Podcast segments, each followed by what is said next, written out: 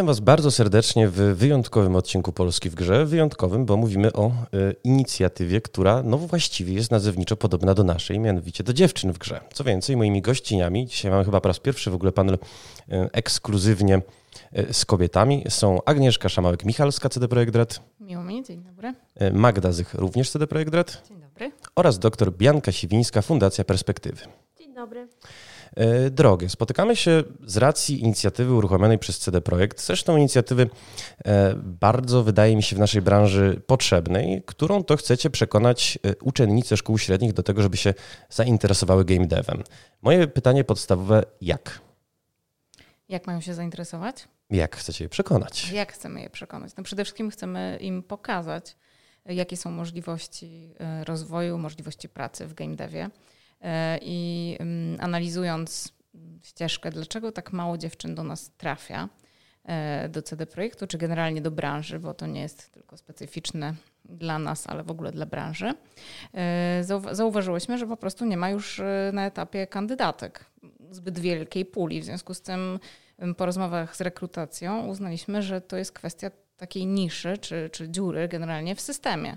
Czyli nie ma już za wiele dziewczyn, które by się decydowały na kierunki, które prowadziłyby je do nas. Także mm, uzgodniłyśmy tutaj, usiadłyśmy z Bianką plus właśnie z naszymi różnymi działami wewnętrznymi i uzgodniliśmy, że słuchajcie, musimy dotrzeć e, do tej grupy właśnie, do grupy nastolatek, które są na etapie wyboru swojej ścieżki zawodowej, ścieżki edukacyjnej tak naprawdę, czyli jeszcze przedzawodowej. E, tutaj w ogóle się zazębiają właściwie dwie dyskryminowane mniejszości. Myślę tutaj o kobietach i o osobach z mniejszych miejscowości, które mogą mieć utrudniony start e, w branży. E, dlaczego właściwie osoby spoza Warszawy, spoza Krakowa, spoza Trójmiasta czy, czy Wrocławia no, nie trafiają do GMDW tak często jak, jak inne? Wydaje mi się, że mm, duże miasta po prostu oferują inne, większe możliwości niż mniejsze, y, mniejsze po prostu y, wsie czy miasteczka. I, I tak naprawdę dość misyjnie podeszliśmy do tematu, bo właśnie po pierwsze y, dziewczyny jako ta grupa mniejszościowa w ogóle, a po drugie y, mniejsze miejscowości z racji tych y, po prostu obiektywnych utrudnień, jakie napotykają po prostu na swojej drodze. Ja uważam, jestem z Warszawy i myślę, że mm, w swoim życiu miałam generalnie łatwy start, tak? To znaczy miałam rodziców, którzy pracowali, nie wiem, na, na uniwersytecie, uważali, że nauka to jest najważniejsza w ogóle kwestia w życiu, w związku z tym dawali mi kasę na dodatkowy angielski, na wszelkie szkolenia i rozwój mój e, osobisty i właśnie mm, edukacyjny. No a myślę, że nie wszystkie dziewczyny są w takiej uprzywilejowanej sytuacji. E, o to, jak to określiłaś obiektywne trudności, chciałem zapytać Biankę, która e, no, jest wsparciem merytorycznym, potężnym dla programu. Cóż to za obiektywne trudności, na jakie natrafia właśnie dorastająca dziewczyna, która chciałaby się realizować w branży technologicznej, w branży twórczej? Badania pokazują, że o ile dziewczyny mają takie same warunki intelektualne do tego, żeby być dobre z matematyki, z fizyki, z chemii, e, to w pewnym momencie tracą to zainteresowanie. To się dzieje tak około 12, 13, 14 roku życia. I to jest uwarunkowane i społecznie, i biologicznie. E, społecznie chodzi o to, że po prostu nie, nie do końca zyskują jakieś takie zachęty z, otoczenia, czy czasami od swoich rodziców, czy od nauczycieli, e, czy z grona rówieśniczego, aby zajmować się tymi obszarami. E, a z drugiej strony też zaczynają dojrzewać, trochę tam się gubią. To jest taki dziwny okres e, i po prostu e, te ich myśli skręcają w zupełnie inną stronę. Dlatego to jest bardzo ważne, żeby w tym właśnie okresie o te dziewczyny zadbać dodatkowo, powiedzieć im, e, że kurczę, jeżeli to Cię interesuje, jeżeli się czujesz dobrze w takich obszarach, no to wiesz, to jakby rozwijaj się w tym kierunku dalej, nie? E, nie ma żadnych przeszkód, żebyś była w tym dobra, żeby to była Twoja przyszłość i po prostu zostań z nami, a nie odchodź gdzieś tam myślami nie wiadomo dokąd. E, a co zrobić, żeby, jeżeli już ta dziewczyna, później kobieta, zostanie i e, będzie się realizować w tym kierunku, który sobie wybierze. Nie, przypuśćmy nawet sytuacja idealna, taki sobie eksperyment myślowy zróbmy, że e, nie ma tych uwarunkowań społecznych.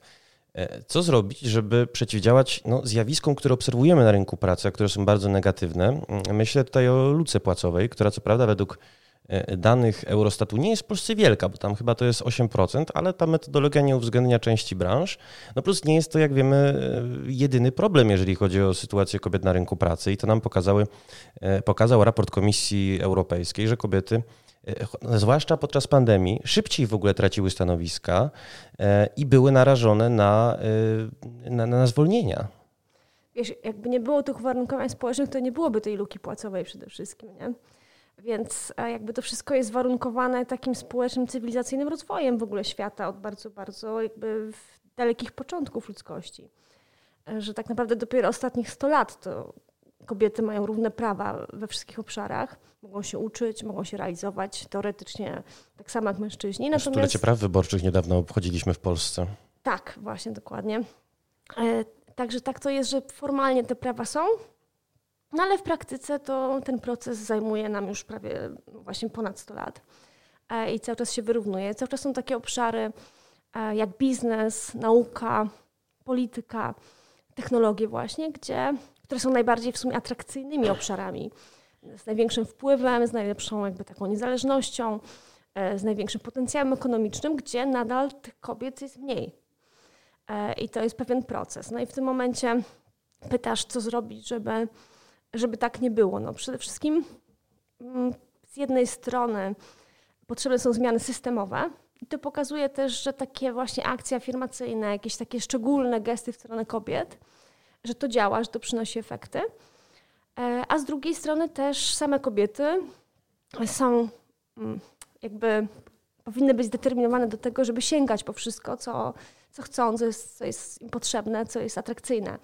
Czyli też takie pewne, e, też wynikające z socjalizacji, takie zahamowania kobiet, czy taka jakaś niższa ocena, to też jest coś, nad czym warto pracować. Z jednej strony zewnętrznie musimy zmieniać świadomość, musimy zmieniać e, środowisko pracy. Cały czas e, w środowisku pracy, w technologiach e, jest sporo seksizmu, jest sporo takich różnych niefajnych zjawisk. I to trzeba zmieniać świadomie. Też system taki ogólny, prawny się powinien zmieniać. No a z drugiej strony właśnie same kobiety też powinny wspierać siebie wzajemnie, powinny bardzo tak mocno, konkretnie iść do przodu. Jeszcze chciałam do tego dodać, że mm, przydadzą się takie tak zwane role model. Po prostu jest nadpodaż właśnie takich sukcesów w historii dziewczyn, które są no po prostu zajmują się, nie wiem, influencerkami, są i w obszarze mody, prawda, i stylingu i, i tak dalej. I to jest fajne. Mm, ale z kolei ja jako mama dwunastolatki myślę sobie, że chciałabym, żeby ona widziała więcej takich historii e, kobiet, dziewczyn, młodych dziewczyn, które są świetnymi, nie wiem, no, inżynierkami, są naukowczyniami, mm, e, czy, czy właśnie w technologiach pracują i, i to byłoby ciekawe. No a tego nie ma za wiele, więc tego Ale nam brakuje. To się pomalutku zmienia, bo przypomnę naszym słuchaczom, którzy mogą na przykład nie pamiętać, że CD Projekt e, zapewnia nie tylko wsparcie finansowe na edukację i rozwój dla takich właśnie mm, dziewczyn aspirujących do pracy w game devie, ale też e, zapewnia opiekę mentorów i mentorek. No i tutaj mamy jedną z takich mentorek, Magdę. Na czym taki mentoring właściwie ma polegać? Wiesz co, tak naprawdę to, to chyba będziemy się tego uczyć dopiero, bo to jest nasza pierwsza edycja tego programu. E, generalnie idea jest taka, że ponieważ mamy w firmie mnóstwo osób, które są bardzo dobre w tym, co robią i potrafią się e, dzielić swoją wiedzą e, z, z, na przykład z młodszymi kolegami czy koleżankami, którzy dopiero zaczynają w firmie, więc jesteśmy pewni, że jesteśmy w stanie się tą wiedzą podzielić też z dużo młodszymi osobami. E, no i po prostu każdy z nas będzie, czy każda z nas będzie e, starała się przybliżyć, jak wygląda praca w game devie, czego się trzeba nauczyć e, startując, czego się będziemy uczyli w trakcie już pracy. No i każdy po prostu, każdy ekspert czy ekspertka ze swojego środowiska, ze swojego E, działki. Ze swojej działki, tak dokładnie, dziękuję Agnieszko, e, będzie e, przekazywał tę wiedzę. Ja jestem scenarzystką, więc będę uczyła o tym, jak pisać dialogi, jak tworzyć fabułę, jak wymyślać postaci, jak tworzyć światy. No i, i, i każdy z pozostałych mentorów czy mentorek będzie odpowiednio też uczył dziewczynki tego, co sam najlepiej umie. A powiedzcie mi, bo to trochę powiedzieliśmy z Bianką o tym, że faktycznie kobiety są lepiej wykształcone, ale z drugiej strony trochę mniej agresywne, jeżeli mogę użyć takiego słowa, na ścieżkach kariery. I jest cały szereg trudności, jeżeli chodzi o ich odnalezienie się właśnie w takich atrakcyjnych zawodach przyszłości. Jak właściwie wyglądały Wasze drogi? No, mogę tutaj zacząć, że ja w CD Projekcie pojawiłam się dzięki mojemu bratu de facto, więc pozdrawiam Kubę serdecznie. I to było tak, że Kuba już pracował, przepraszam, chyba coś mi siada głos, ale Kuba pracował już jakiś czas y, właśnie w Radzie jako pisarz. Y, ja byłam świeżo upieczoną mamą, y, ale już bardzo intensywnie myślałam o tym, żeby powrócić na rynek pracy.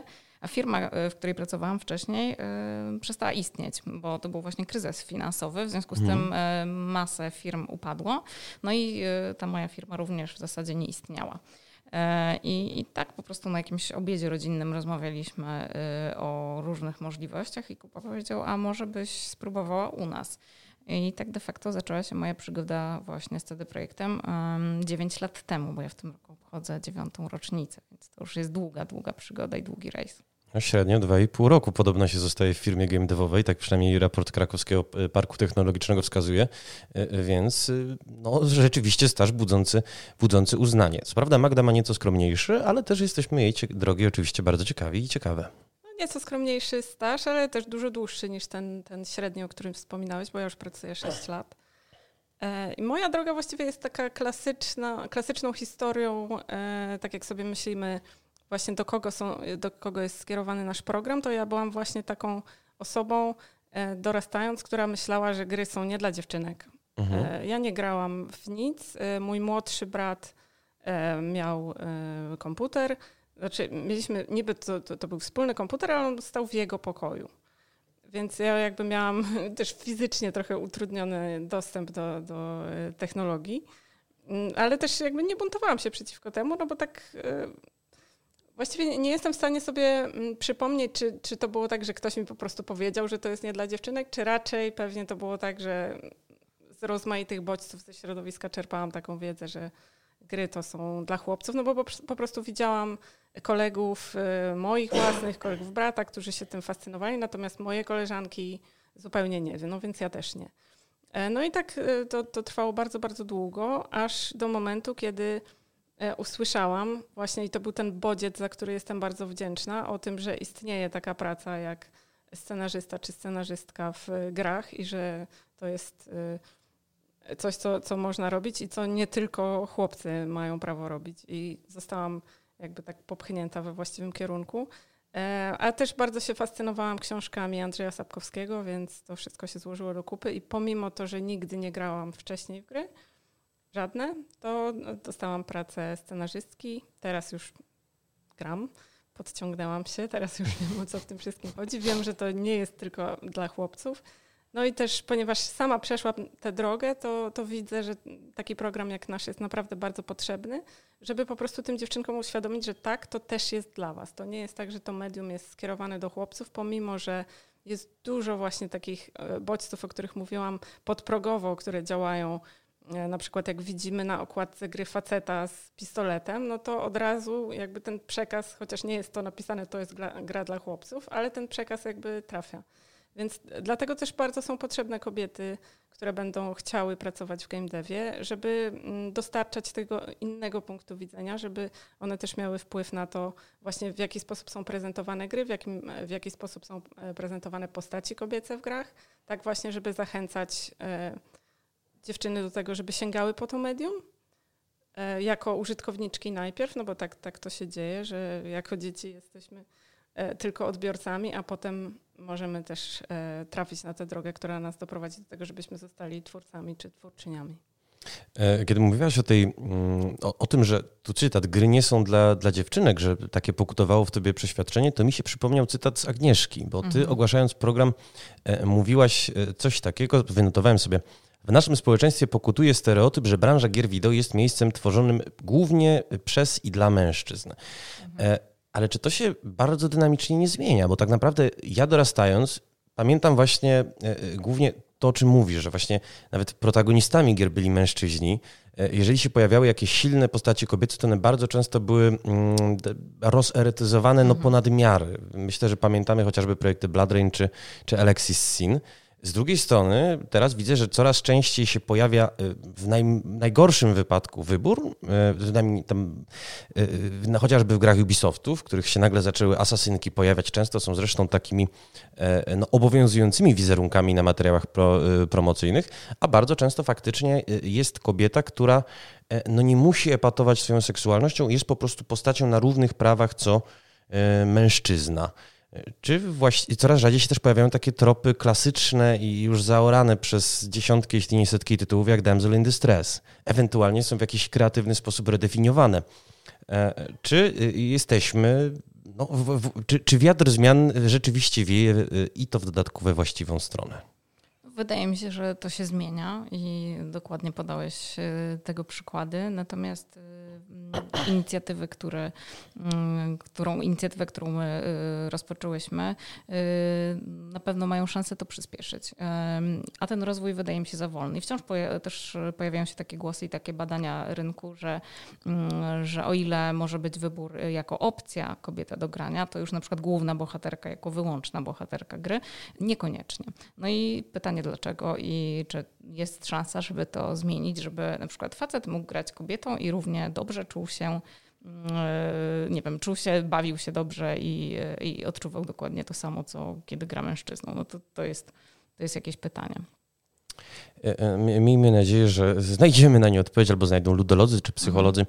E, aczkolwiek omawiając wasz program, omawiając waszą inicjatywę, nie sposób nie nawiązać do komentarzy, które się pojawiły w momencie jego ogłoszenia. Ja sobie wynotowałem raptem dwa. E, z fanpage'a polski GameDev.pl i to może będzie pytanie do Bianki. Co byś powiedziała takim e, e, panom w wieku tam lat powiedzmy 20, którzy piszą, cytat pierwszy. Nie, po prostu nie. Przecież to seksizm w czystej postaci, tyle że popierany y, y, przez mainstream. Czy słyszał ktoś o akcji Panowie do HR-u, mężczyźni pielęgniarzami? Tak, wiesz co, my prowadzimy takie działania wspierające dziewczyny w technologiach no, od wielu lat, także to jest kolejna tylko odsłona. No, mieliśmy 15 lat e, hasło dziewczyna Politechniki. Także e, potem dziewczyny do ścisłych, dziewczyny w nauce, startupy kobiece, nowe technologie itd. Tak itd. Tak e, także oczywiście inicjatywa Panowie do HR-ów albo na przykład Panowie do, na Wydziały Pielęgniarstwa albo Panowie na studia pedagogiczne byłaby cenna tak naprawdę. E, dlatego że no, wszędzie dążymy do jakiegoś takiego zdrowego zbalansowania, żeby po prostu różne perspektywy reprezentowane w społeczeństwie były potem, e, że tak powiem, e, reprezentowane w różnych ważnych punktach systemu, tam gdzie się tworzy wartości, gdzie właśnie się przygotowuje ludzi do edukowania innych ludzi. Także tak naprawdę to byłoby cenne, natomiast faktycznie tych inicjatyw nie ma. Dlaczego ich nie ma? Dlatego, że zazwyczaj, jeżeli mówimy o tych polach, które są zdominowane przez kobiety, to są pola mniej atrakcyjne ogólnie.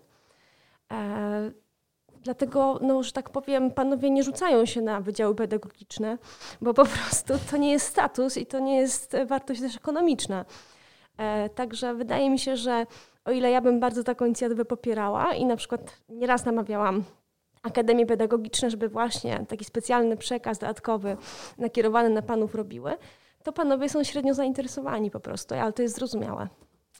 E, e, druga linia, w cudzysłowie argumentacyjna, która e, też się pojawia, i to nie tylko przy okazji tej akcji, ale bardzo często, to jest zarzut, że firma XYZ podczas takiej akcji afirmacyjnej czy dyskryminacji pozytywnej dyskryminuje kobiety. I tutaj też mam cytat. Pojawia się pytanie, czemu CDEP dyskryminuje kobiety, oświadczając, że muszą mieć specjalne traktowanie, aby wejść do game devu ale tu wydaje mi się, że taki przekaz nie został wysłany nigdzie w świat, że potrzebują specjalnego traktowania, by wejść do game devu.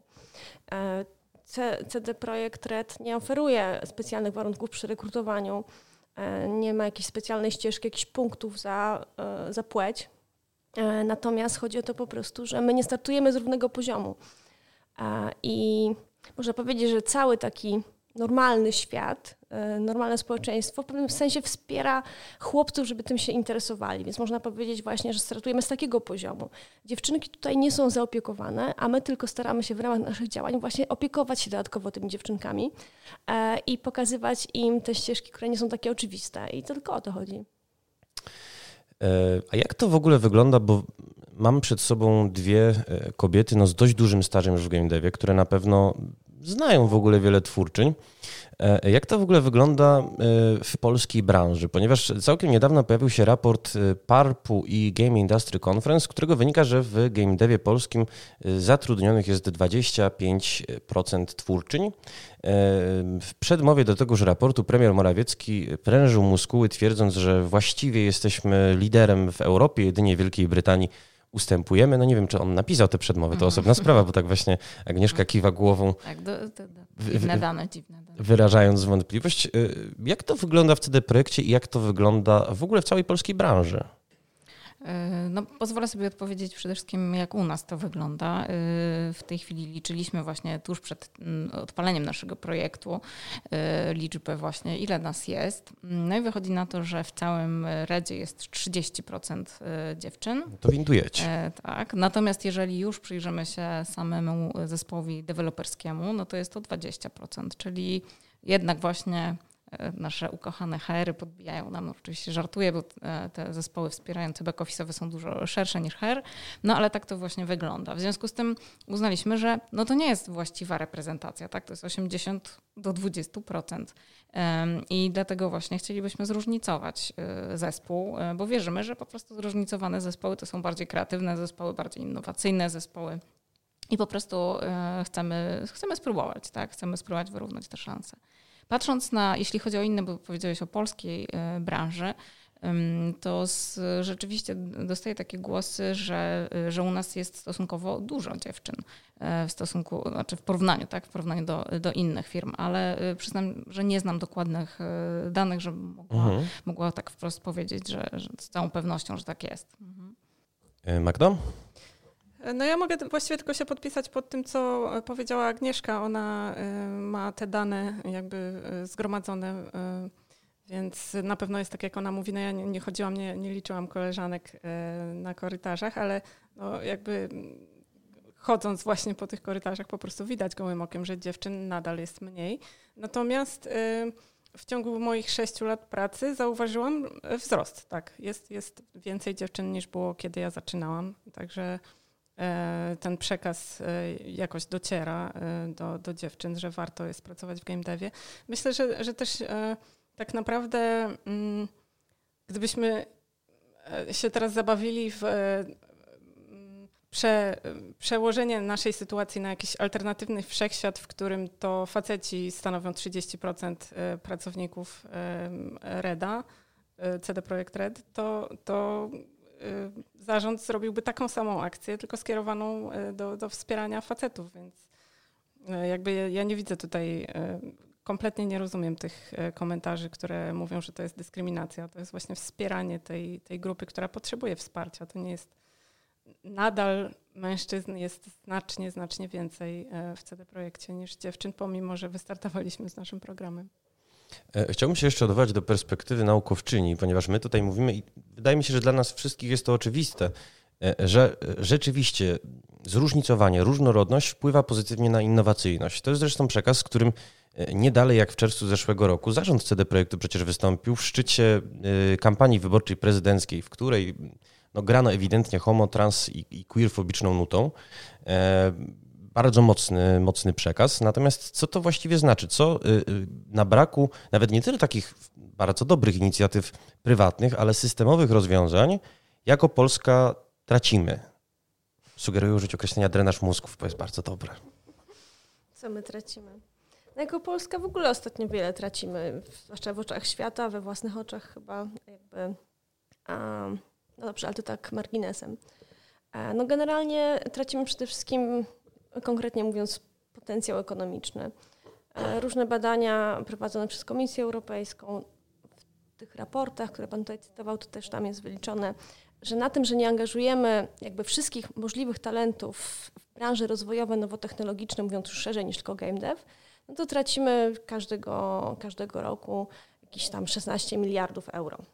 E, więc tak naprawdę e, tym momencie, kiedy cały świat e, idzie na cyfrowość, gdzie digitalizujemy każdą sferę życia, e, digitalizujemy oczywiście też rozrywkę, ona zresztą już jest bardzo zdigitalizowana, no to w tym momencie, kiedy mamy niedobór pracowników, niedobór ekspertów, niedobór talentów na rynku, no to po prostu się nie rozwijamy tak, jakbyśmy mogli.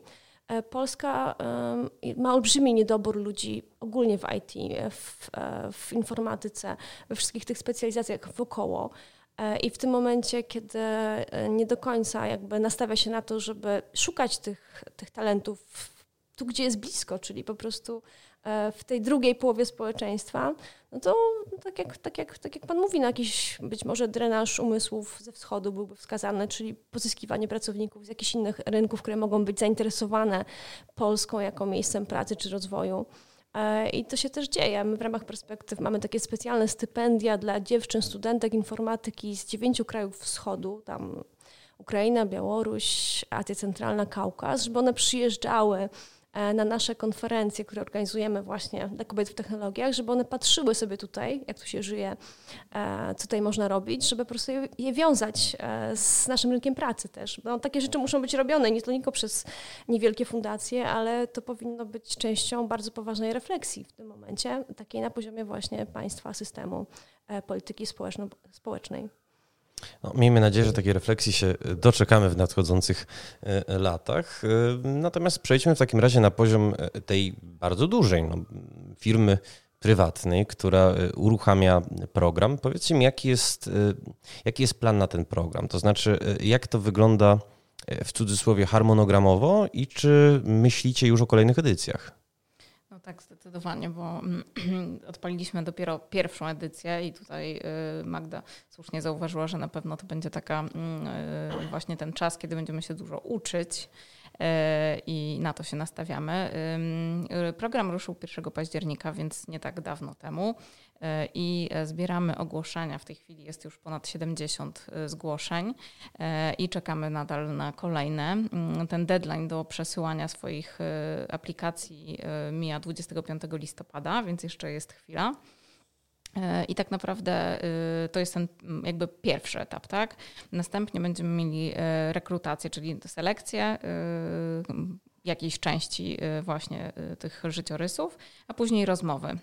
Y, także będziemy mieli szansę poznać dziewczyny, które zaaplikowały, zadać im kilka ważnych pytań, dowiedzieć się czegoś o nich właśnie bliżej, bliżej poznać i później wyłonimy 20 finalistek tego programu. No i de facto można powiedzieć, że w lutym od, rozpocznie się ta właściwa część, mhm. tak? ta właściwa mentoringowo stypendialna część. E, I jak Magda wspominała, to e, dziewczyny będą już e, dobierane, w, one same wybierają mentorów, mają tam trzy pola do wypełnienia, więc mogą wypełnić takich trzech trzy preferencje co do tego, z kim by chciały pracować i finalnie zostaną właśnie dobrane w pary z, ze swoją mentorką lub mentorem. I to będą pracowały nad indywidualnym celem z danego obszaru, który je interesuje, pasjonuje, ale oprócz tego też e, będzie, pracujemy nad e, takim programem warsztatowym, czyli będzie seria, myślimy o tym, że co najmniej będzie pięć takich okazji do spotkania się e, i w CD, przepraszam, i w CDP-ie i E, pewnie online. No zobaczymy, jak w ogóle e, warunki covidowe nam pozwolą, ale liczymy na to, że uda się zobaczyć e, fizycznie i pokazać im studio. I też będziemy, robiły takie, będziemy robili takie warsztaty właśnie ogólnie o branży, ale też koledzy właśnie ostatnio mi opowiadali o tym, jak pracują nad taką wersją game session, gdzie będą po prostu pracować nad zrobieniem gry. No i y, kolejne, kolejne etapy, czyli to, to, trwa rok, czyli od lutego do kolejnego lutego 2023.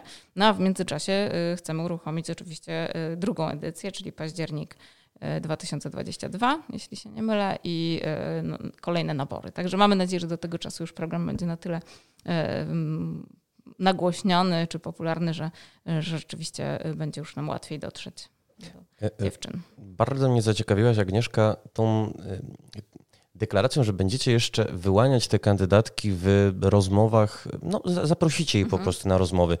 E, e, czego właściwie potrzebuje mm, osoba, której szukacie? To znaczy, jakimi kwalifikacjami powinna się wykazać, jakie cechy może reprezentować sobą?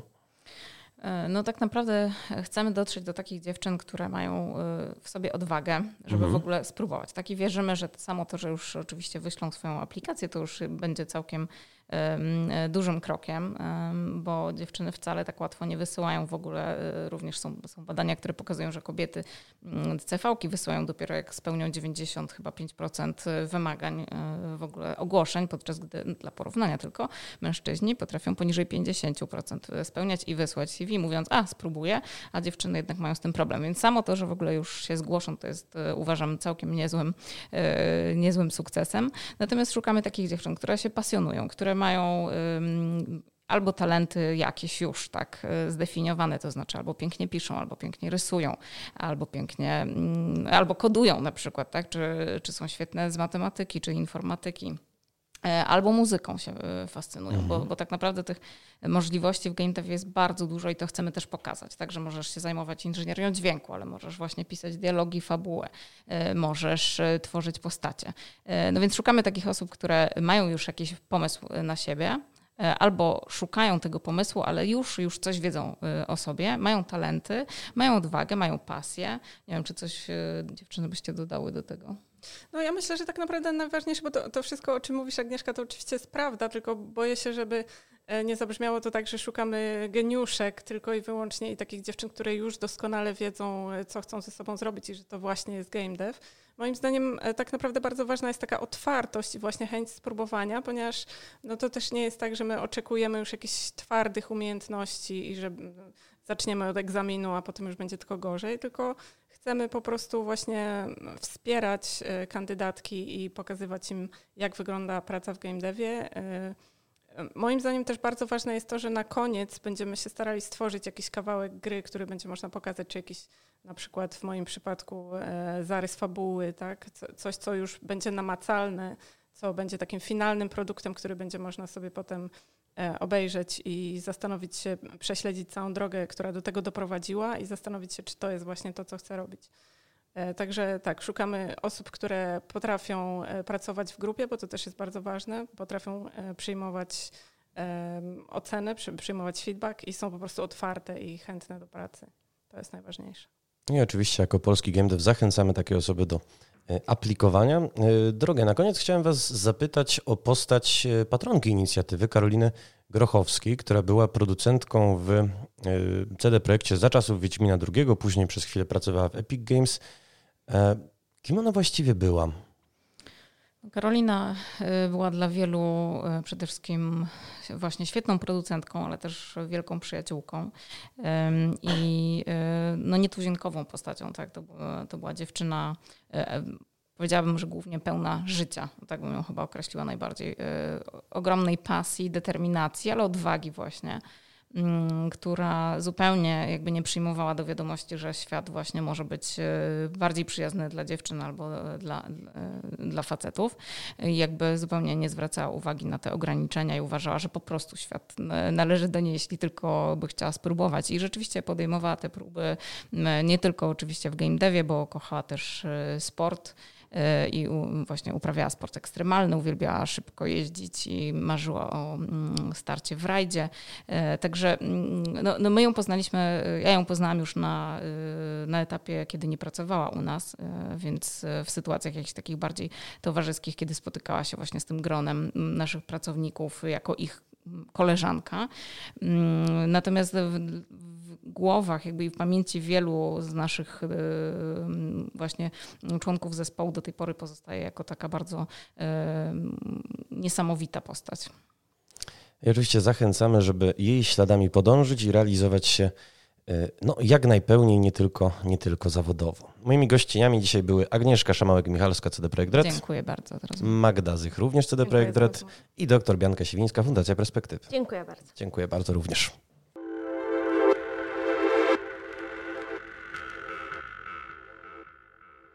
Podcastu wysłuchaliście dzięki wsparciu Totalizatora Sportowego.